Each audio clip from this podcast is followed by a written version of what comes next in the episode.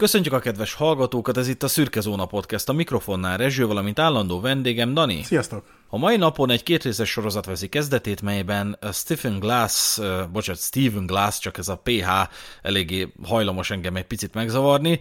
Ennek a újságírónak a kudarc történetéről fogunk beszélni, és kevésbé az átveréseiről, mindinkább a lebukásáról szól ez a történet, és ezt nem véletlenül mondom. Egy nagyon komoly médiabotrányról lesz szó, ami gyakorlatilag az elmúlt évtizedeknek az egyik legmeghatározóbb esete. Szemléltetni fogjuk az ügyet, de mondom, itt inkább azon lesz a hangsúly, hogy hogy bukott le ez a valaki. Daniel, mit gondolsz erről a témáról? Érdekes történet ez. Ugye gyakorlatilag ez így a 90-es évek végén történt, ez az egész történet, és ugye ott a elkövetkezendő egy-két évben volt felkapott, de hogy tényleg mennyire még egy más időt írtunk akkor. Nyilván én, én láttam az ezzel kapcsolatos filmet, meg egy kicsit nézelődtem magával a, ezzel az illetővel kapcsolatban. Nyilván az összes cikkjét nem olvastam el, erről majd, ahogy láttam, már te tudsz valamennyit nyilatkozni, de nekem egy kicsit olyan érzésem volt, hogy ez a csávó, ez, ez egy rossz időszakban élt, és rossz időszakban csinálta azt, amit csinált, mert gyakorlatilag én úgy érzem, hogy a, hogy a mai ilyen, ilyen újságírás, meg, meg blogolás, meg ilyesmik világában, még akkor is, hogyha ugyanilyen hazugságokat írna le, valahogy sokkal nagyobb rajongói bázisa lenne, meg, meg talán ilyen kultuszok is kialakulnának, mint a Trump körül, hogy, hogy vannak a támogatók, meg vannak az ellenzők, és hogy gyakorlatilag megint csak egy ilyen hülye trend alakulna ki valószínűleg az ő cikkei körül, és talán, hogyha más köntösbe bújtatja az egészet, akkor egy egész jó ilyen ö, fantasztikus novellákat, meg ilyeneket adhatott volna ki, de hát ugye akkoriban, hát több mint húsz évvel ezelőtt, nyilván egy olyan helyen dolgozott, ami egy, egy-két fokkal komolyabban vette magát, és nyilván ott ebből a szempontból jobban visszanyalt ez az egész szituáció, és, és hát ugye ezért is járt úgy, ahogy járt. De mondom, szerintem, hogyha egy, egy 20-25 évvel később csinálja ezt, akkor sokkal nagyobb sikere lenne, és még akkor is, hogyha kiderülne arról, hogy hazugságokat írt, több, mint valószínű, hogy, hogy sokan sok embert nem is érdekelne feltétlenül ez, és talán még csak megerősíteni a hitüket így Steven Glassben, hogy úristen, hát ő milyen igazságokat ér le. Hát ha csak ugye megnézzük manapság a, azért a Fox-nak, akit most nemrég rúgtak ki ugyan, Tucker Carlson, igen, hogy ő is azért egy elég érdekes figura, és ugye mi, hogyha ránézünk külsősként így Magyarországról, hogy miket állít a Foxon, akkor szerintem nekünk nagyon sok ilyen leközölt hírrel kapcsolatban már biztos megformálódna a véleményünk, hogy ezt így hogy lehet elhinni, bár nem kell messzire menni, mert azért itthon is történnek ilyen dolgok, de hogy ott Amerikában meg tényleg egy nagyon megosztó figura, és tényleg most, hogy kirúgta őt a Fox, egy nem tudom, egy héttel később egy Twitter videót megosztott ő maga a saját Twitter csatornáján, hogy, hogy hogy hazudik nekünk a média, meg hogy gyakorlatilag ők, mint riporterek, hogy vannak erre rákényszerítve, és azon a ponton nem tudom már, hogy hány talán 100 millió, de lehet, hogy sokat mondok, lehet, hogy csak 20-30 millió megtekintése volt ennek az egésznek, és, és támogatták az emberek, és hogy gyakorlatilag sikerült úgy megforgatni a történetet, hogy hogy ő csak egy áldozat. Úgyhogy mondom, egy, egy, egy ilyen szférában valószínűleg Steven Glass is teljesen máshogy lenne megítélve, mint ami akkor ott a 2000-es évek elején, 90-es évek végén történt. Úgyhogy ebből a szempontból egy érdekes visszatekintés szerintem, és egy ilyen 20-25 éves távlatból biztos, hogy érdekes lesz megnézegetni ezt, hogy, hogy miért bukott le, hogy bukott le, meg, meg azért, hogy, hogy hogy zajlott ez az egész történet. Erről az ügyről szól a Hazugsággyáros című film, angolul a Shattered Glass címet viseli. A Hayden Christensen alakítja benne Stephen Glass-t, és egy szenzációs film, én csak az utóbbi időben ö, tudtam megnézni, hát nem tudom, most jutottam a tudomás erő, hogy létezik ez a film. Kerestem ilyen, ilyen, ilyen sajtóról szóló filmeket, és ezt ö, nagyon ajánlották az ilyen listák, és basszus, abszolút nem értem, hogy én miért nem ismertem még ezt a filmet, ez 2003-ban készült, és szenzációs, én már így részletekben kétszer megnéztem, egyszer teljes egészében, másodszor meg ugye az epizódokra készülve. Javaslom nektek is, mondjuk javaslom nem szinkronnal megnézni, nem tudom, hogy ez mitől függött akkoriban, amikor ezeket a filmeket így forgalomba hozták Magyarországon, de hogy annyira ilyen béna félrefordítások ö, kerültek bele, hogy e, elrontják az egész összhatását a filmnek, javaslom inkább fejratosan megnézni. Ezt egyébként én abból a szempontból támasztanám alá, hisz hát Rezső tudja, meg lehet, hogy egyszer-kétszer már a podcast keretein belül is azért adtam ennek hangot, hogy én mindig eredeti szinkronnal szeretem megnézni a filmeken, de ugye Hayden Christensen az egy érdekes jelenség volt megint csak a 2000-es évek elején, mert ugye a Star Wars filmek kapcsán sokan elítélték őt is, hogy mennyire fapofával, meg monoton hangsúlyozással prezentálta ugye Anakin Skywalker szerepét, és hogy egy icipicit itt is ez jött át, és és nehéz volt komolyan venni a filmet ebből a szempontból, de aztán ahogy ment előre a film, és ugye néztem interjúkat, interjúkat Steven glass nem tudtam eldönteni, hogy tényleg a Hayden Christensen egy szarszínész, vagy ez a Steven, ez tényleg egy ennyire érdekes figura volt, és hát azt kell mondanom, hogy elnézegetve egy-két interjút, látom az alapjait annak, hogy a, a Hayden az, az, az hogy próbálta ezt a karaktert megvalósítani, és ebből a szempontból is tényleg érde, érdemesebb angol nyelven megnézni, hogy ez a, ahogy közli a, a dolgokat, ahogy beszél, beszél, meg, meg hasonlók úgy sokkal jobban átjön, hogy milyen is volt ez a karakter, és lehet, hogy nyilván túl van dramatizálva, de hogy így megint csak visszatekintve érdekes az, hogy hát az emberek azok miért hagyták ennyi ideig érvényesülni, miközben így kommunikált az emberekkel, hát nyilván erről majd beszélünk, hogy megvoltak azért a módszerei, de hogy, hogy ja, ebből a szempontból is szerintem érdemesebb tényleg angolul megnézni, hogy az ilyen nuansznyi kis aprólékos dolgok is átjöjjenek a, a színészi játékban. Az is érdekessége, hogy egy Vanity Fair cikk alapján készült, azonos című Vanity Fair cikk alapján. Hát ritkán halljuk azt, hogy egy, egy másfél órás, eléggé, IMDB-n eléggé fölértékelt film, az egy, ez egy cikk alapján készül, de hát egyébként ez nem teljesen igaz, mert nagyon sok forrást felhasználtak, meg ugye közre játszott az is, hogy az érintetteket is meginterjúvolták, de az biztos, hogy az alapját mégiscsak az a Vanity Fair cikk képezte, ami még a lebukás évében publikálásra került. Uh-huh. Érdemes tudni, hogy a Washingtoni Newseum sajtótörténeti múzeum szégyenfalán jelenleg öt név olvasható. Ők azok, akik visszaéltek a szerkesztőségük és közösségük bizalmával. Ezen ötök egyike Stephen Glass, akiről az epizódunk szól. Tudva levő, hogy nincs még egy olyan iparág, amelynek a résztvevői olyannyira reflektálnának egymás működésére, mint a sajtó. Legalábbis én nem ismerek ehhez fogható iparágat. Mert hogy a tekintélyesebb zsurnalista múltra visszatekintő országokban egy újságíró pályájának a végét jelentheti a csúsztatáson, rosszabb esetben hazugságon kapják, és egyébként magyar viszonylatban is észrevehető, hogy bármelyik hírportált veszük alapul, szinte minden nap, vagy mondjuk minden másik nap megjelenik egy olyan hír, hogy a, mit a Telexen megjelenik egy olyan, hogy mit írt az Origo, a Pesti stácokon megjelenik az, hogy mit írt a Telex, és hát nem feltétlenül tárgyilagosan hivatkozzák meg, hanem következtetésekkel élnek, gyakorlatilag kritikával élnek, hogy hát milyen színvonalra süllyedt már a, ugye a Telex oldaláról az önazonosság hiánya, a Pesti srácok oldaláról pedig a szolgalelkűség. Mert hiszen a Telex oldala, ha mondhatom így, azt kéri számon ezeken a orgánumokon, hogy hát hol élünk már basszus, hogy ilyen, ilyen, ilyen színvonalra le lehet satnyulni újságírás címén. A Pesti srácok oldala meg pedig azt kéri számon a Telexen, hogy hát miért nem lehet elismerni, hogy ti is ugyanúgy valakinek a zsebébe vagytok, mint mi. E, ezt mi nem fogjuk természetesen megítélni, de erre időnként kitérünk a podcastben. És ahogy a Cinema magazin 2004. augusztusi számában írták, mert hogy az Arcanumra feltöltésre kerültek a, a cinemák, hál' Istennek, e, az erről a filmről szóló cikkben úgy fogalmaztak, hogy tőlünk nyugatra a tényfeltáró újságírásnak nagy keletje van.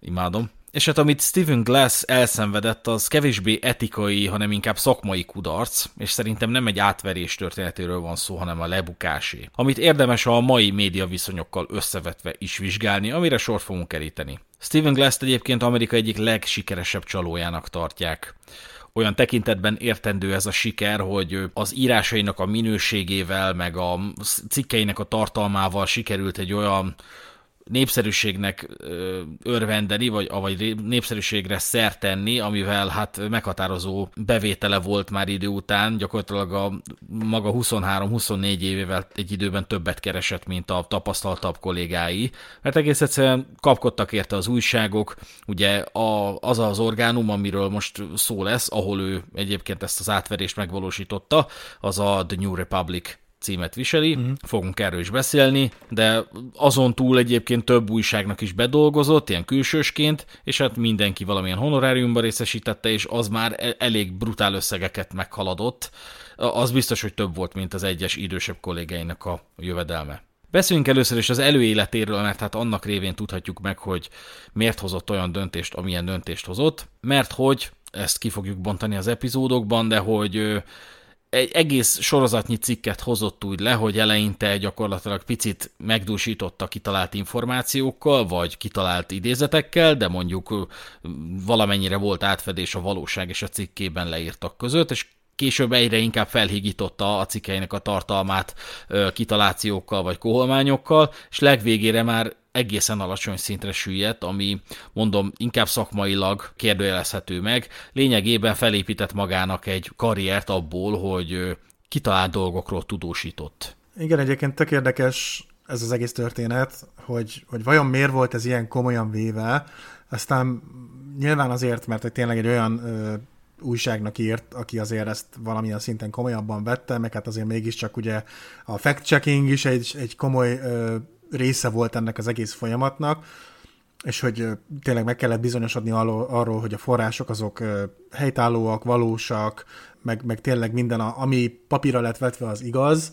Bennem azért alapból felmerült a kérdés, hogy, hogy hát igen, ez, ez egy érdekes dolog, hogy mit írnak az újságok, és hát persze el lehet menni összeesküvés elméletek irányába, hogy valójában minden, amit az újságokban leírnak, az egy hazugság, de hát nyilván azért főleg a mai rohanó világban, és azért is gondolom, hogy talán kevésbé lenne komoly ez az eset a, a mai világban, hogy azért szeretjük ugye fenntartani a, a közönség figyelmét, szeretünk azért gyorsan közölni információkat, megint csak ha megnézzük a TikTokot, akkor valójában egy akár orvosi, vagy jogászi, vagy bármilyen ilyen tutoriál videó, vagy akármilyen videó, az tényleg egy percben közöl veled rengeteg információt, és egyre kevesebben néznek 30-40-60 perces videókat, és hát nem feltétlenül nézzünk utána annyira a tényeknek sem, eléggé alapna, alapként tekintünk arra, hogy amit közölnek velünk, azért annak biztos, biztos van valami alapja, hisz egy orvos vagy egy jogász közli velünk, és hát igen, nagyon sokan csinálják ezt, hogy azért próbálják felfújni a történeteket, hogy legyen izgalmasabb, legyen fordulatosabb, és, és tényleg oda tapadjon gyakorlatilag az olvasó a, az újságnak az oldalaira de aztán ugye eszembe jutott, hogy azért mi is próbáljuk elég büszkén viselni azt, hogy amikor meghivatkozunk valamilyen témával kapcsolatban bármit, akkor ott Rezső eléggé tüzetesen megszokta nevezni a forrásokat, és tényleg bármelyik epizódunk alatt a, a, az olyan cikkek, meg bármik, amiket amik a legnagyobb alapjai voltak az adott epizódnak, azt így próbáljuk megnevezni, hogy, hogy lehessen látni, és azért végül is mi is komolyan vesszük azt, hogy tényleg pontos dolgokat próbáljunk közölni, amikor nem a saját véleményünket osztjuk meg.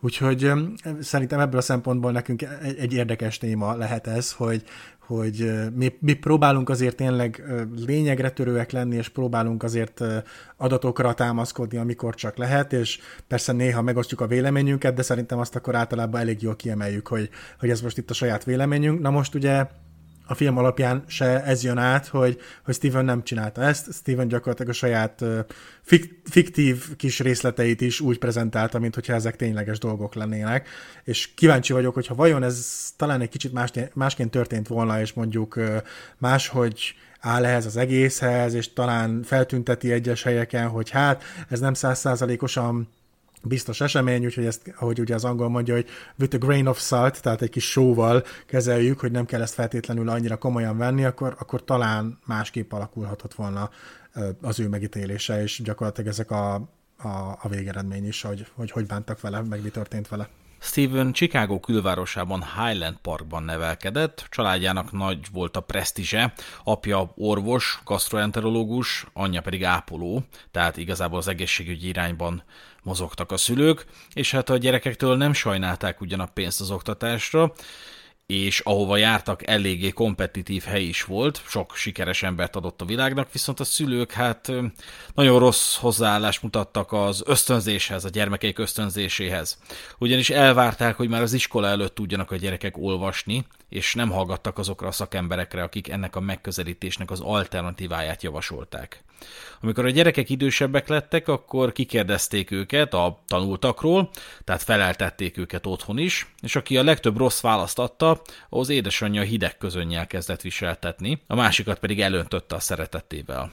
Utolsó iskolai évében Steven részt vett egy az Elme kalandjai nevű projektben, amiben például az volt a feladat, hogy készítsenek 15 perc alatt egy musicalt. Ez egyébként nagy hatást gyakorolt a fiatalemberre, aki az évkönyvébe végül azt írta, kezd egy ötlettel, amit addig fejlesz, amíg valóságá nem válik. A bátyja, Michael sikeresebbnek bizonyult, Stevenhöz képes legalábbis sokra vitte. Palo Altoig jutott, valamilyen informatikai karrierrel. Tehát Stevennek, aki mindig háttérben maradt, mint a, még az iskolai évek alatt is, hatalmas nyomással kellett együtt élnie. Minden miatt azt érezte, hogy teljesítenie kell. 25 évesen eljutott a New Republic nevű washingtoni székhelyű újság szerkesztőségébe, ami az ő korában egy elég nagy teljesítmény. Ez egy országosan kapható magazin, de az összes lap közül, ami abban az időben ilyen 16 ezer orgánumot jelentett, ez volt az egyetlen, amit az Air Force One-on is olvashat az elnök és kabinettjének tagja. Tehát meghatározó ö, presztízse van, és hát nagy felelőssége is a tekintetben, hogy mi szerepelhet ezekben a cikkekben. Uh-huh. Legtermékenyebb időszakában Glass heti 20 sztorit hozott le, ugye nem csak a New Republicnak, hanem egyéb orgánumoknak is, kreatív non-fiction műfajban alkotott, ami itthon nem annyira ismert, vagy hát nem népszerű műfaj. Olvasmányos, tartalmas, meghatározó helyszínábrázolással és a karakterek rendkívül sztereotipikus ábrázolásával jellemezhető műfajról van szó. Én nem nagyon tudok olyan újságot, ahol ez így megjelenne, de az Egyesült Államokban ennek, ennek azért van népszerűsége. Munkatársai szerint tehetséges, kedves és gondoskodó személyiség, aki gyakran reflektált a saját hibáira. Fehér zokniban mászkált időnként a szerkesztőségben. Mivel újságírói körökben gyakori az arrogáns tuskó viselkedés, Steven ezért különlegesnek és szimpatikusnak hatott. Egy időben arról akart írni, hogy mindenki szerint meleg, pedig nem. Egyébként szeretett részt venni a munkai plegykálkodásban, mindenkivel szót tudott váltani, és a tehetség és inspirálólag hatott a környezetére. Közvetlen munkatársaiban nem irítséget váltottak ki a sikerei, hanem éppen lojalitást.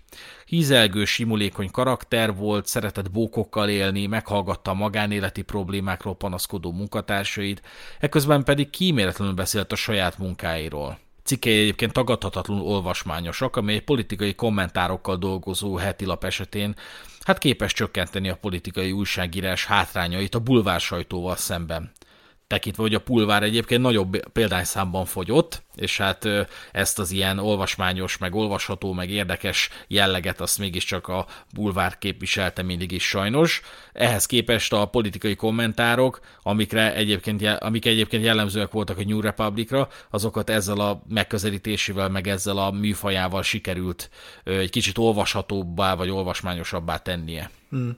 Provokatív dolgokról írt, például egy Las Vegas-i kaszinóról, ahol fogadni lehetett arra, hogy halálos kimenetülő lesz-e az esedékes űrhajó kilövés, avagy egy alkalommal arról írt, hogy telefonos médiumnak állt, és párkapcsolat és karriertanácsokat adott az ügyfeleknek cserébe a bankkártya adataikért, illetve tudósított egy Clinton ellenes találkozóról, ahol Monika Lewinsky szexbábút lehetett vásárolni. A szószoros értelmében elképesztő jeleneteket volt képes papírra vetni, tehetséggel tudta megformázni a karaktereit, akikhez rendkívül illeszkedő idézeteket is párosított.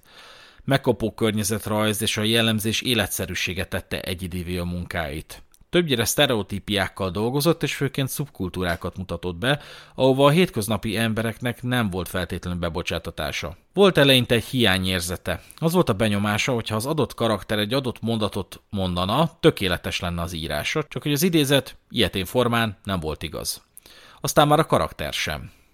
Érdemes most behivatkoznunk a Hősök, akik ott sem voltak című epizódunkat, ahol egyébként felemlegettük Gyula történetét. Ha jól emlékszem, Gyulának hívták azt a férfit, akiről egy Facebook poszt alapján lehozta a sajtó, hogy megmentett egy sorompó közé szorult járművezetét, aki sokkot kapott a, attól az élménytől, hogy két sorompó közé sorolt, szorult, és később a média már odáig vetemedett, hogy őt az égiek hozták vissza a strokeból, hogy meg tudja menteni az Opel sofőrjét. Aztán a MÁV feltöltötte a felvételt, amiben kiderült, hogy a cikkekkel és egyéb tudósításokkal ellentétben nem csak Gyula volt messze az eseményektől, de még a vonat is. Holott a publikációk meg egyebek alapján arra következtettünk, hogy az utolsó pillanatban tudott Gyula is elugrani a vonat elől, meg hát az Opel is épp csak a sorompót letörve tudott kihajtani a sinekről. Na hát igen, láthatjuk, hogy a, a sajtónak azért mekkora szerepe van, hogy ezeket az ügyeket így felpumpálják. Így van. Amikor a The New Republicnál dolgozott, egy alkalommal Glass hazajött húsvétra, hogy előfizetést ajándékozzon a szüleinek. Azt mondta, a magazin számára egy homokozó, mint játszótéri homokozó, és itt az ideje, hogy felnőjön. Úgy döntött, hogy mostantól a cikkeket energikusabban fogja írni. Ekkor kezdett el kitalált dolgokat szerepeltetni az írásaiban. Kétségtelen, hogy a szülői nyomás szerepet játszott abban, amit Steve tett, később azonban elismerte, hogy ez a nyomás nem volt olyan mértékű, mint amilyennek ő a magáévá tette. Hazugságokkal higította fel az írásainak a ténytartalmát, aztán már elkezdett moralizálni is, illetve hát autoritás ellenes publikációkat is leadott, ami szimpatikus volt Michael Kellynek, az akkori főszerkesztőjének. Ha már szóba hoztam Michael Kellyt, neki meghatározó szerepe van ebben az ügyben, mert hogy az ő vezetősége alatt uh, Stevennek elég megbízható és biztos helye volt a,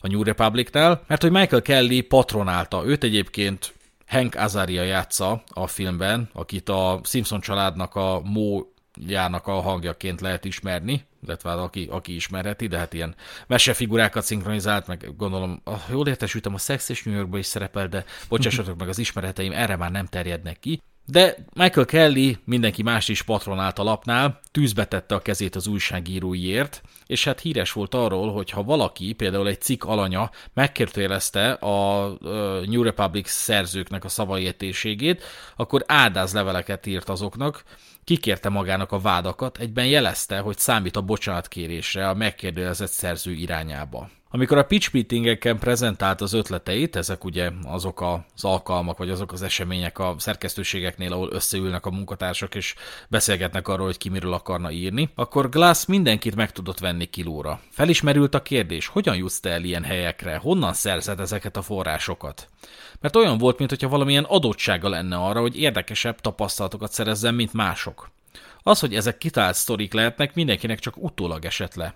A pitch meetingeken nem volt mindig mindenki jelen, többen külföldön tudósítottak, vagy éppen egyetemre jártak, hogy Glass is ö, munkája alatt jogot tanult, Egyébként pedig Chuck Lane, akkori munkatársa későbbi főnöke, adta azt a magyarázatot utólag, hogy az írott szónak van egy sajátos misztikája, amitől kevésbé lesz gyanakvó az, aki olvassa. Igen, és ugye a filmben egyébként van is néhány ilyen jelenet, amikor gyakorlatilag ezek a pitch meetingek zajlanak, és hát általában azért tényleg mindenki jól vihorászik rajta, meg tényleg érződik a történeteken, hogy azért vannak benne fordulatok, meg, meg meglepetések, és nyilván azért a filmben ezek talán egy kicsit erősebben vannak prezentálva, mint ahogy ez ténylegesen kinézhetett a, a meetingeken, bár hogyha ugye a akkori kollégák is megkérdezték, hogy tényleg Steven hogy jut el egyes helyekre, meg honnan szerzi a forrásokat, akkor valami alapja biztos, hogy van, de de érdekes nézegetni, hogy megint csak visszatekintve, hogy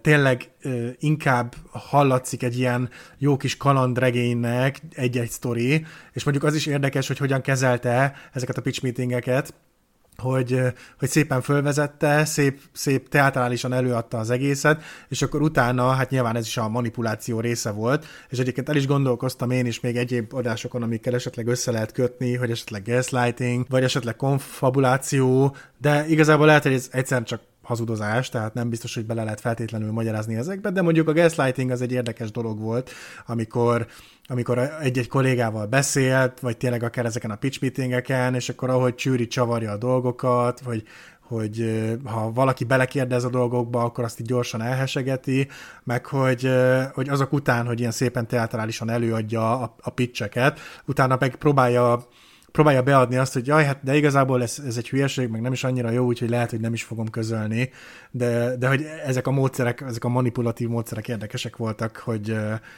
hogy hogy tudta átverni a, a kollégáit, és hogy gyakorlatilag, hogy tudta őket úgy elbizonytalanítani, hogy, hogy jó, hát ő sem gondolja annyira jónak, meg lehet, hogy tényleg csak hülyeség ez a történet, úgyhogy nem is biztos, hogy fel kéne kapni, és akkor lehet, hogy ez is közrejátszott, hogy jó, hát akkor megkaptad a zöld lámpát, akkor csináljad, és akkor írd meg a cikket.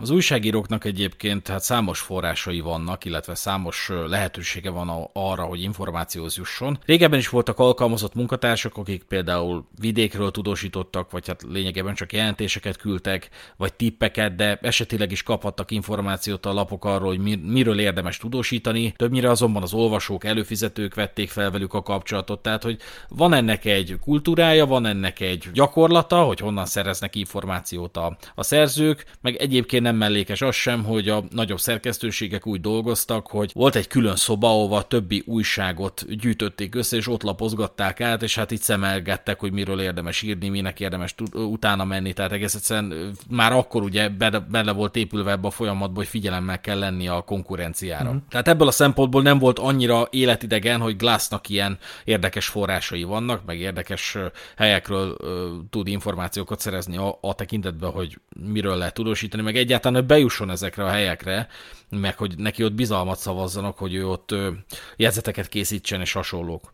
Ő imádta egyébként azt az érzést, hogy a munkatársainak tetszik, amit ír. Emiatt is nem bírt leállni, hiába mondogatta magának, hogy ezt abba kell hagynod. Ahogy növekedett a népszerűsége, úgy győződött meg róla egyre inkább, hogy gyakorlatilag bármit írhat. Nem viseltetnek kritikával a munkáival szemben. Holott szinte mindig elképesztő dolgokról írt, és a forrásait pontosan meghivatkozta. Későbbi interjúi alapján maga is kategóriákra osztotta a felhasznált tényeket, A, B, C és D kategóriára. Az A az a talán igaz kategória volt. Tehát olyasmiről írt, ami hát nem feltétlenül teljességgel igaz, de részben vagy ta- talán igazságtartalom szavazható neki. A B az a részben igaz részben kitalált volt, a C a túlnyomó részt kitalált, a D pedig a teljes koholmány. És ahogy fokozódott a népszerűsége, úgy dolgozott az A és a B kategóriával, a végére meg már gyakorlatilag az A-ból teljesen átugrott a C-be, és a legvégén pedig már a D volt az, ami, amivel kizárólag dolgozott. Fogunk szemelgetni az akkori cikkeiből. Az országos népszerűséget egy olyan cikknek köszönhető, aminek megírásával Marty Perec, a The New Republic tulajdonosa bízta meg. Ő benne próbált lenni a szerkesztőség mindennapi munkájában, akkor is, ha a laptulajdonosnak ez olyan mértékben nem igazán van köze. A laptulajdonosnak nem feltétlenül van lehetősége beleszólni a, a szerkesztőség működésébe, nyilvánvalóan tulajdonosi szinten van, de azt kell érteni, hogy egy szerkesztőség az egy eléggé önálló és összeszokott szervezeti egység, aminek van egy vezetője, és az ő autonómiájuk jobb helyeken annyira sértetlen, hogy azt még a lap tulajdonosan sem fogja tudni befolyásolni, tehát hogy az mondom autonómabb orgánumoknál az ilyen teljesen ördögtől való, hogy a lap tulajdonos leszól, hogy így miről kéne írni, vagy miről nem kéne írni. Uh-huh. Perec viszont látni szeretett volna egy írást, amit a washingtoni taxiipar változó demográfiájáról írtak meg, ahogy a tőzsgyökeres feketék átadják a helyüket az ázsiai bevándorlóknak. Ezzel végül Glass bízta meg, aki akkor 23 éves volt. Ebből lett a Taxi és a munka jelentősége, vagy a Taxis and the Meaning of Work című cikk, amelyet elhelyezünk a show notes-ban. Röviden arról szól, hogy van ez az Edward Murdoch nevű karakter, aki egy idősödő fekete taxi sofőr. Ő egy másik évtizedet képvisel, talán az 50-es éveket. Makulátlan az utastere a taxiának, a dogolóból lehet a névjegykártyáját kiszedni, tweedzakót visel és kalapot hord. Uramnak hívja a férfi utasokat, madámnak a nőket, visszafogottan kommunikál az utasokkal, de ha azt látja, hogy elfoglaltak, akkor csöndben marad. Mindenhez a könnyű jazz és angol cigaretta füstje adja meg az 50-es éveket idéző atmoszférát. Tehát ilyen felütéssel indított ezt a cikket, ami egyébként pontosan arról szól, mint amelyet a laptulajdonos elvárt volna, de hogy ez így nagyon jól körvonalazza azt, hogy, hogy, hogy mi adta a népszerűségét ennek a uh, szerzőnek, hogy gyakorlatilag így tudott dolgozni, hogy hát ez az Edward Murdoch, ez egy ilyen messze menőkig sztereotipikus karakter, akit az olvasó kifejezetten maga elé akar képzelni, tehát hogy ez az ilyen egy másik világot képviselő, rendkívül sztereotíp, idősödő fekete taxisofőr. Ezzel nyitni egy cikket, majd egyébként ilyen politikai kommentára és társadalomkritikával dolgozni, hát számomra evidens, hogy abban az időszakban ez az egyenes út volt a népszerűséghez. Mm. Ráadásul annyira jól írt, hogy több újság is megkereste, ugye ekkortájt a Slate, a Rolling Stone, a Harper's, a vagy a George című lapok. Két év alatt több mint 40 cikket hozott le. Glass akkoriban bármilyen árat hajlandó volt megfizetni az elismertségért, és hát ilyenkor még nem tudhattuk, de ennek a elismertségnek a fenntartásáért is bármit képes volt megfizetni, és ezzel van egyébként a legfőbb probléma. Egyébként azt bírom ebbe az egészben, hogy tényleg itt egy fiatal újságíró, aki elég meggyőző sztorikat tud lehozni, és hogy azért megint csak akár a hírszerzés, meg tényleg akár az ilyen újságírásból már valamelyes talán megszokott dolog mutatkozik meg, hogy na hát tényleg írunk egy-két jól hangzó dolgot, történetet, és akkor már egyből tényleg ilyen nevek, mint a Rolling Stone, meg, meg egyéb újságok keresik fel, és, és hát ugye az az érdekes szerintem ebbe az egészben, hogy hát ha még az eredeti munkahelyén sikerült esetleg a, a kollégáit annyira meggyőzni, hogy átcsusszanak az ő idézőjeles forrásai, meg, meg hivatkozásai a, a fact között, de hogy tényleg ennyi magazinnak írt, és hogy valahogy mind, mindig mindenhol sikerült megtalálni azokat a kiskapukat, meg szürkezónákat, hogy, hogy akkor ö, ott is le, tud, le tudjon hozni cikkeket, és gyakorlatilag ö, ne csak egy, hanem tényleg több irodánál tudjon dolgozni egyszerre, anélkül, hogy, hogy ennyi ideig bárki elkapta volna, vagy legalábbis leleplezte volna. Az első olyan cikke, ami egyébként meghatározó elemzés tárgya kell, hogy legyen, amiben az első problémák egyébként jelentkeznek, az a Spring Breakdown címet viseli. Ugye a tavaszi szünet a Spring Break, csak egy ilyen jó kis szójátékkal a Breakdown kifejezéssel kiegészítették ezt a címet, nem tudom pontosan, hogy ezt hogy lehetne magyarítani, de a következőkről szól. Az Omni Shoreham Hotel negyedik emeletén egy kétágyas hotelszobában nyolc fiatalember ül egymással szemben. Mind 20-21 évesek, fehér vagy kék inget hordanak, amit a nyakuknál kigomboltak. A nyakkendőt is meglazították, az egyik fiatalember zöld-fehér kitűzőt visel, amin az áll, mens meg a férfiakat, save the males. A minibár ajtaja nyitva, a szőnyegen üres italos üvegek hevernek szerteszét. Az ágyon az előzőleg egy vita eldöntésére használt biblia Mózes második könyvénél az Exodusnál van nyitva. A mosdóban a kád jéggel van tele, illetve a három csomag sör maradékával. A fiatalok az óramutató járásával ellentétes irányban adnak körbe egy jointot. Én mondom, én mondom, nem tudjuk, hová tartunk. Mondja Jason, egy barna hajú, szeplős fiú Iowa-ból, két szívás között. Nincs küldetésünk, nincs irányunk. Mi konzervatívok. Olyanak vagyunk, mint akinek húgyoznia kell a sivatagban, de nem talál fát. A többi hét fiatalember bólogat és egyetértéssel hümmög. Az elkövetkező óra alatt sör és fűmámorban a feminizmus, melegek és politikai korrektség miatti puffogások között a társaság kieszel egy tervet. Seth, a nagy darab hátvéd és még két másik srác elhajtanak egy helyi kocsmába. Ott kinézik maguknak a legmagányosabb, legrandább nőt, akit találnak. Szerezetek nekünk egy igazi bigét. Minél kövérebb, annál jobb. A pattanásokért bónuszpont jár. Üvölti Michael. Annyira részeg, azt se tudja, mit beszél. Seth fogja elcsalni a hotelba a bálnának nevezett áldozatot. Akik hátra maradnak öten, elbújnak az ágyok alatt. Miután Seth levetkőzteti a bálnát, a többiek előugranak és azt kiáltják. Feltörtünk! Bálna észlelés! Az asszony kirohan a hotelszobából, sminktől elfeketedett könnyek folynak le az arcán. Kezében tartja a cipőjét, a másikkal összefogja a gyűrött blúzát a melkasa előtt. A szobában Charlie és Seth pacsiznak. Megígérik, hogy másnapra előivatják a fotót. A fiatalok elkezdik Seth nevét kentálni, aki meghajol, majd morogva feszegetni kezdi a bicepszeit. Így néz ki az ifjú konzervativizmus 1997-ben. Ingerült és elázott. Csüggett, nyomott, részeg és ostoba. A nyolc fiatalember, mint minden évben egy washingtoni rendezvényen, a CPEC-en vett részt. A Conservative Political Action Conference kétségkívül a legjelentősebb keresztény, illetve emberi jogi szervezetek által támogatott esemény a konzervatívok számára. 20 éve vonzza a jobboldaliakat. Előző évben ezer résztvevő fizettek ki a kb. 100 dollárt, hogy meghallgathassák az előadásokat. 1996-ban minden republikánus elnökjelölt próbált érvényesülni itt azzal, hogy felszólalt a szipeken. Miközben a nyolc fiatalember fenténykedett a negyedik emeleten, Jack Kemp épp az év legmegindítóbb beszédét tartotta. Erről szól javarészt a cikk, annak többi része a rendezvényről szól, de hasonló méltatlan jeleneteket is szerepeltetnek még. Például az egyik beszéd közben a férfi mosdóban egy 20 éves bajszos fiú pettinger egy karsú szőkével, akiket az action közben Glass megpróbál meginterjúvolni, de a fiú azt üvölti, hogy annyira nem érdekli őt az előadás. Nem úgy, mint az, amit éppen csinál.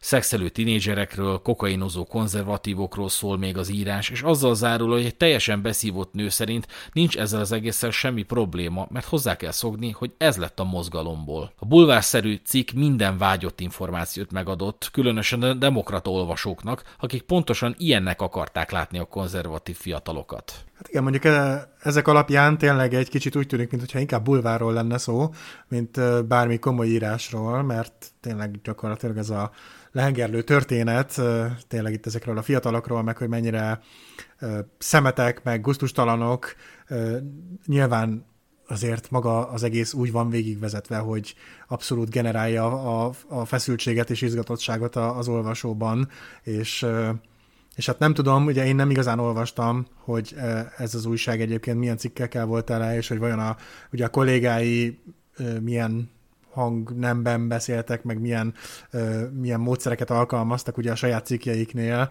de hogyha úgymond bármilyen minimális valóság alapot is tudott adni, a, akár a források által, vagy akármi által Steven, akkor elhiszem, hogy tényleg ez ilyen superstar újságíró lett belőle, mert gondolom én, hogy azért, ahogy manapság, akkor is biztos rengeteg unalmas és száraz politikai, meg mi egyéb gazdasági cikkekkel voltak tele az újságok, meg a hírek, és hát azért ezek mellett egy ilyen gyakorlatilag kövér nőket kihasználó, drogos, ittas fiatalok azért sokkal izgalmasabbnak hangzanak. Csak hogy a Spring Breakdown cikkel felmerült egy probléma. A CPEC szervezője felhívta a szerkesztőt, Michael Kelly-t, hogy az Omnishoram hotelben nincs is minibár. Ugye a cikkben az szerepel, hogy a minibárból szeregetik ki az italokat. Kelly szembesítette ezzel Glass-t, aki utána nézett a jegyzeteinek, itt most idézőjelbe teszem ezt a dolgot, majd beismerte Kellynek, hogy sajnos tényleg félrenézett valamit. Az italos üvegek megtévesztették, de talán béreltek egy hűtőt a konzervatív fiatalok. Glass felajánlotta, hogy felmond, amennyiben Kelly ezt indokoltnak tartja. Kelly viszont felhívta a hotelt, így derítette ki, hogy van lehetőség hűtőt bérelni, mm. ezért nem tartott igényt a felmondására. Ebből két dolog következik. Egyik az, hogy már itt kezdett probléma jelentkezni a cikkeinek a hitelességével, másrészt pedig az, hogy ahogy ő viselkedett ebben a helyzetben, amikor ugye az ő jegyzeteire szorítkozik a, a szerkesztőség, vagy hát az ő vezetője, hogy igazolhatóvá váljon az, hogy tényleg megtörtént-e az, amiről írt, akkor Glass ekkor törékenynek és intelligensnek tűnt, akihez az ember képes fokozott empátiával viszonyulni. Uh-huh. Erre is van egy kísérlet, amit most nem tudok pontosan meghivatkozni, de talán a sonózban el fogom tudni helyezni. Egy kreált állásinterjún a jelöltek közül azokat értékelték a legszimpatikusabbnak a kísérlet alanyai végső soron, akik ugye mindenféle befolyásolmentesen kellett dönteniük, akik ügyetlenek voltak. Például leöntötték magukat kávéval, vagy épp elejtették az irataikat, többi. Tehát azt hiszem kettő intelligens vagy jobb képességű jelölt volt, meg kettő kevésbé jó képességű, és a két jó képességű közül az egyik az interjú során leöntötte magát kávéval, és akárhányszor újra játszották ezt a szenáriót, mindig, de mindig ezt az utóbbit részesítette előnyben a bizottság, vagy hogy nevezzem, tehát azt mondták, hogy az, aki intelligens, de egyben emberi, hétköznapi problémákat is demonstrál ügyetlenségben, na azt, azt alkalmasabbnak érzik erre a feladatra. Tehát egész egyszerűen kísérlettel igazolható, hogy az ember egész egyszerűen díjazza az intelligenciát és az amellé párosuló hétköznapi emberi törékenységet. Igen. Gondolhatnánk, hogy az amerikai szerkesztőségeknél egy alapvető része a folyamatnak ez az előzetes forrás ellenőrzés, ami valamennyire így is van. A magyar zsurnalizmushoz képest mindenképpen óvatosabb a nyugati újságírás, azt gondolom. Viszont ezeknél a lapoknál a tényellenőrzést a gyakornokok és az új munkatársak végzik, akik más veterán szerzők írásait ellenőrzik. Tehát van végül is forrás ellenőrzés, de mondhatni ugródeszka az újságíróvá válást megelőzően. Uh-huh. Ezért talán mondhatjuk azt, hogy nem feltétlenül annyira nagy presztízsű feladat, és miatt talán nehezebb is vele azonosulni, hogy tényeket ellenőrzünk. Michael Kelly idején működött az úgynevezett háromnapos kínzásteszt, ami egy hosszú és fáradtságos folyamat volt, ami elvezetett oda, hogy végül is a szerkesztőség leokézte az adott cikket. Hallgassunk is meg egy részletet a filmből, ami hát nem a megfelelő fordítások mentén, de azért mégiscsak jól bemutatja azt, hogy hogy néz ki egy szerkesztői munka. Onnantól kezdve, hogy megírja az első változatot a szerző, egészen odáig, hogy megjelenik a cikk. Nem juttok semmire az újságírás világában, amíg fel nem fogjátok, hogy zajlik ez az egész a mi lapunknál. Ezt a rendszert Michael Kelly hozta magával a New Yorkertől. Három napos kínzattatás. Ha jó cikket írtál, esetleg túléled. Ha viszont gyengét, nehéz heted lesz. Ha kész van a cikk, először a rovatvezetőhöz kerül.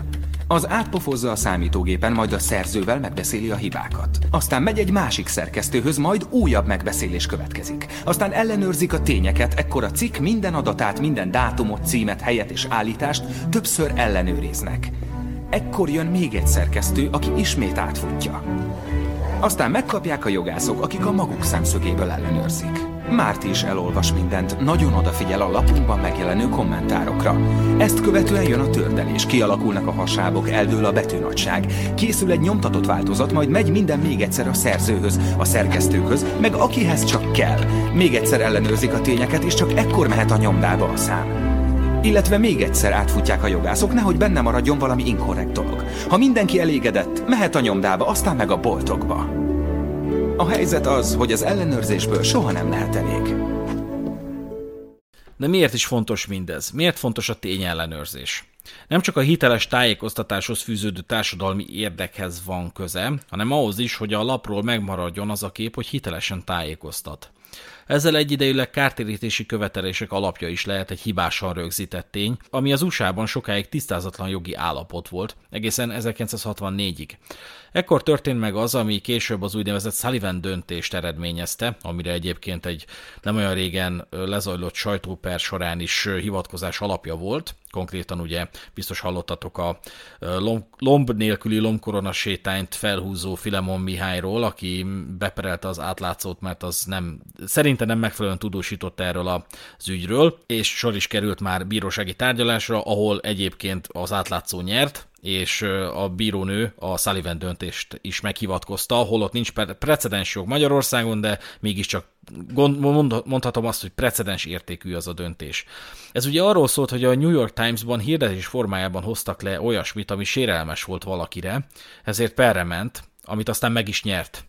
Csak magasabb bírói fórumokon sikerült tisztázni pár olyan kérdést, amik precedens értékűek voltak későbbi sajtóperekben. Például, hogy a lap csak akkor tartozik felelősséggel a hibás tényekért, ha az újságíró azt szándékosan félrevezető módon rögzítette.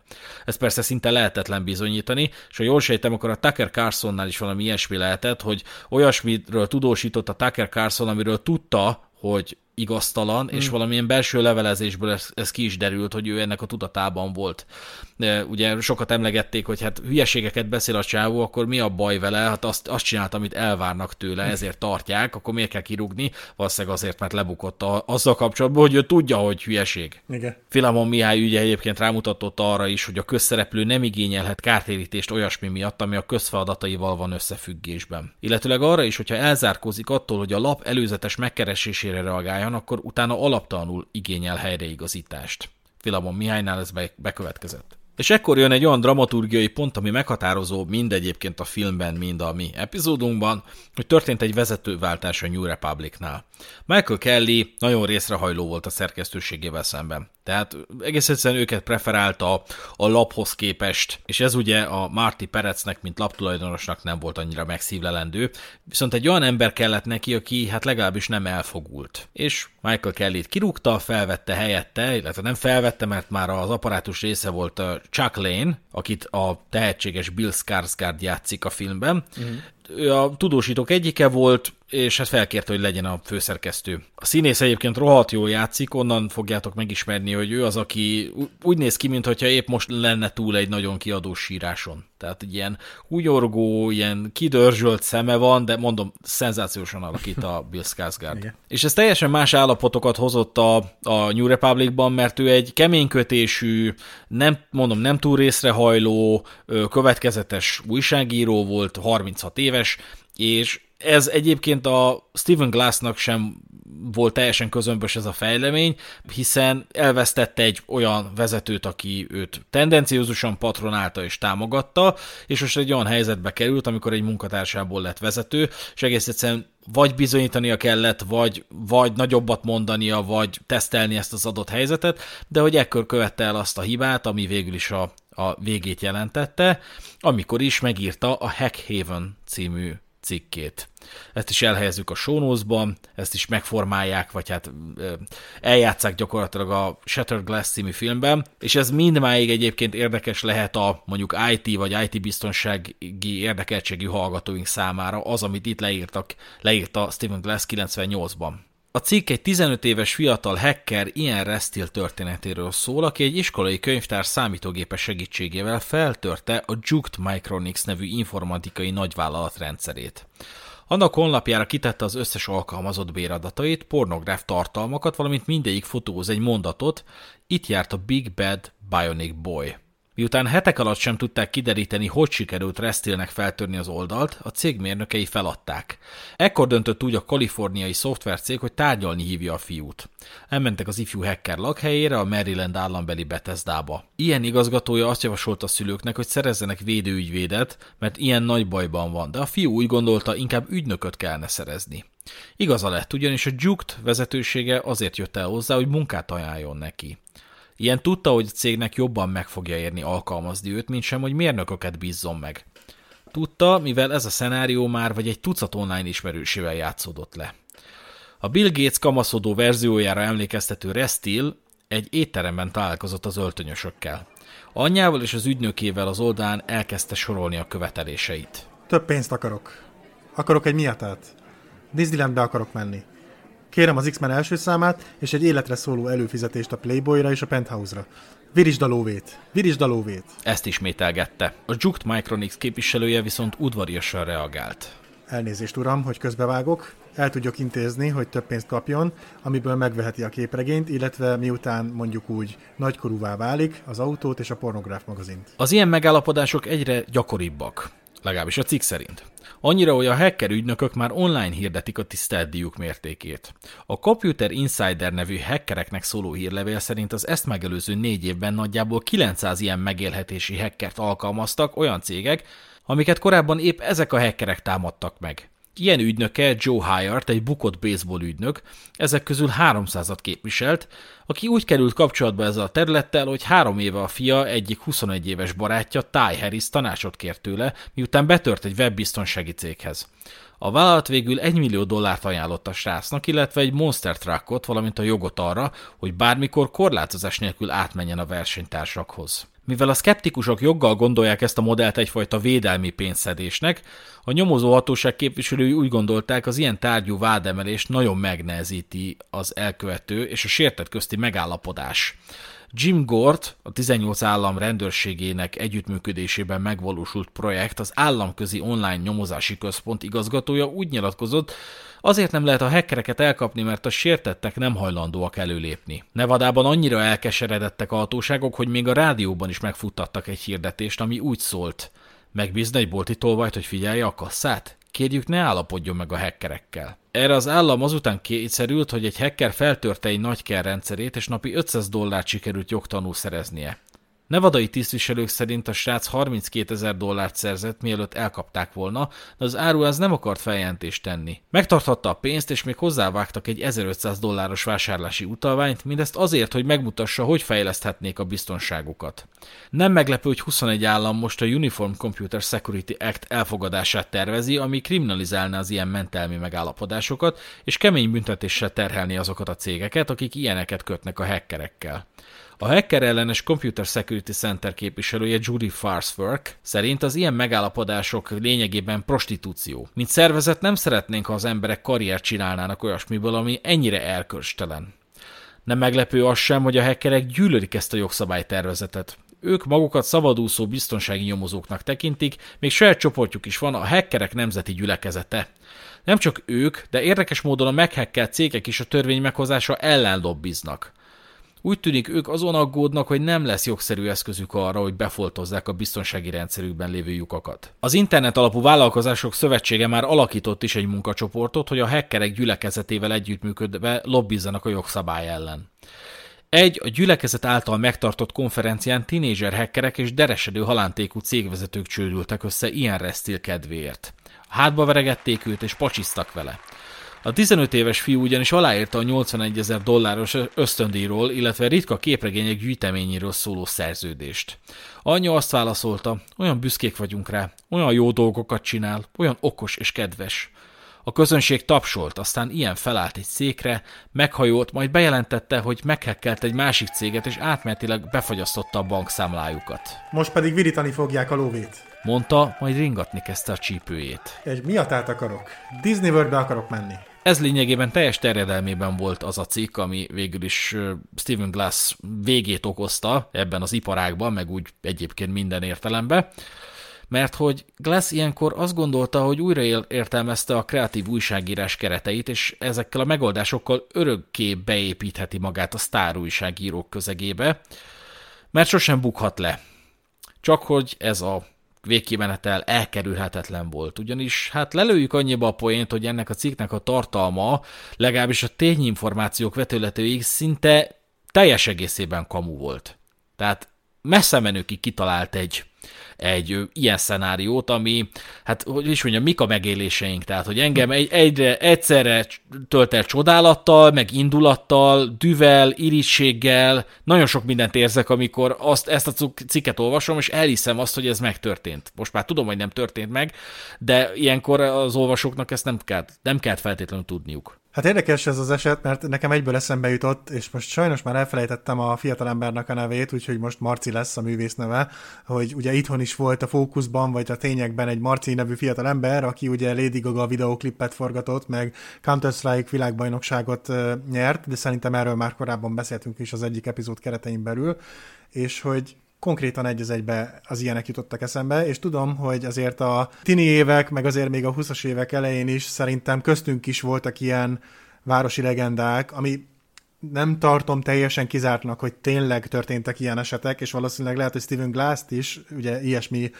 motiválta eredetileg, mert lehet, hogy olvasott valami hasonlót valahol, de hogy azért köztünk is terjedtek ilyen hírek itthon, hogy hú, hát hallottad, hogy volt ez a hacker, meg az a hacker, és hogy gyakorlatilag megírt egy olyan vírust, ami teljesen térdre kényszerítette az összes vírusírtót, és hogy gyakorlatilag bedölt egy csomó minden, és gyakorlatilag a, ezek a nagy vállalatok, sőt a vírusírtó cégek maguk megtalálták ezeket az embereket, és felbérelték, vagyis hát felvették a, a saját cégükhöz, és gyakorlatilag ők foglalkoztatják, és ugye innen jöttek ezek a innen indultak ezek a legendák, ami megint csak mondom, lehet, hogy van minimális valóság alapja, hogy hát gyakorlatilag a vírusírtó cégekhez felvett ilyen jellegű hackerek csinálják a vírusokat, és egyben fejlesztik ki mellé a vírusírtókat, de hát a vírusírtók mindig csak egyel vannak lemaradva pont a vírusok mögött, és ezért gyakorlatilag ez egy ilyen véget nem érő ciklus, ami folyamatosan ismétlődik, és mondom megint csak ez a magyar srác esete is tökéletesen reflektált erre az egészre, hogy azért a, az ilyen jellegű műsorok, ami oké, okay, hát azért a fókusz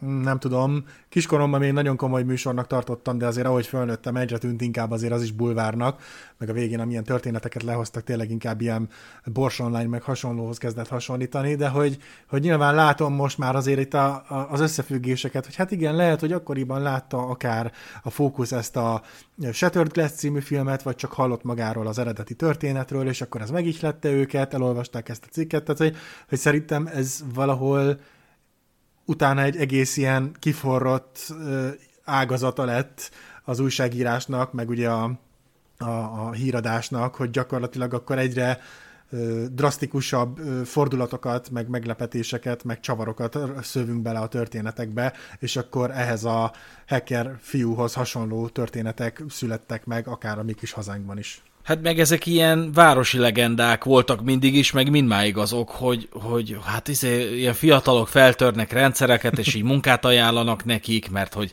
hogy ezzel bizonyítják, hogy mennyire értenek hozzá, még őket is, őket is feltörik. Mindmáig emlegetik ezt a dolgot, hogy hát hogyha Oroszországban lebuksz hackerként, akkor vár téged egy ilyen légkondicionált iroda a, a valamelyik orosz nagyvállalatnál, nem tudom, nyilván, tehát nyilván ez sem így néz ki a valóságban, de ilyen körökben azért így így cserélnek gazdát ezek az információk, hogy hát ez így működik. Mm. És úgy néz ki, hogy 98-ban is egyébként akkor ugye nem meglepő, hogy az informatika picit másképp nézett ki, mint most, de ilyenkor is zabálták ezt a, ezt a tartalmat, mint ahogy zabálták a füvező, abuzív konzervatív fiataloknak a sztoriát, uh-huh. amit ugye korábban szemléltettünk, és Glass csak azt írta meg, amit olvasni meg tapasztalni akartak a, a, a kedves olvasók, csak hát teletűzdelte olyan információkkal, olyan forrásokkal, meg olyan tényekkel, amelyek hát nem, nem léteztek, nem voltak megfelelőek, hamis tények voltak, uh-huh. hamis adatok voltak hova tovább. És hát ez okozta igazából a lebukást, mert hogy a Forbes Digital Tool, ami a mai Forbes.com-nak az elődje, az lényegében olyan szerepet játszott a médiában, mint minden digitális média akkor, tehát hogy nem vették annyira komolyan, akkor még egy másodlagos platformnak gondolták az offline sajtóhoz képest az online sajtót.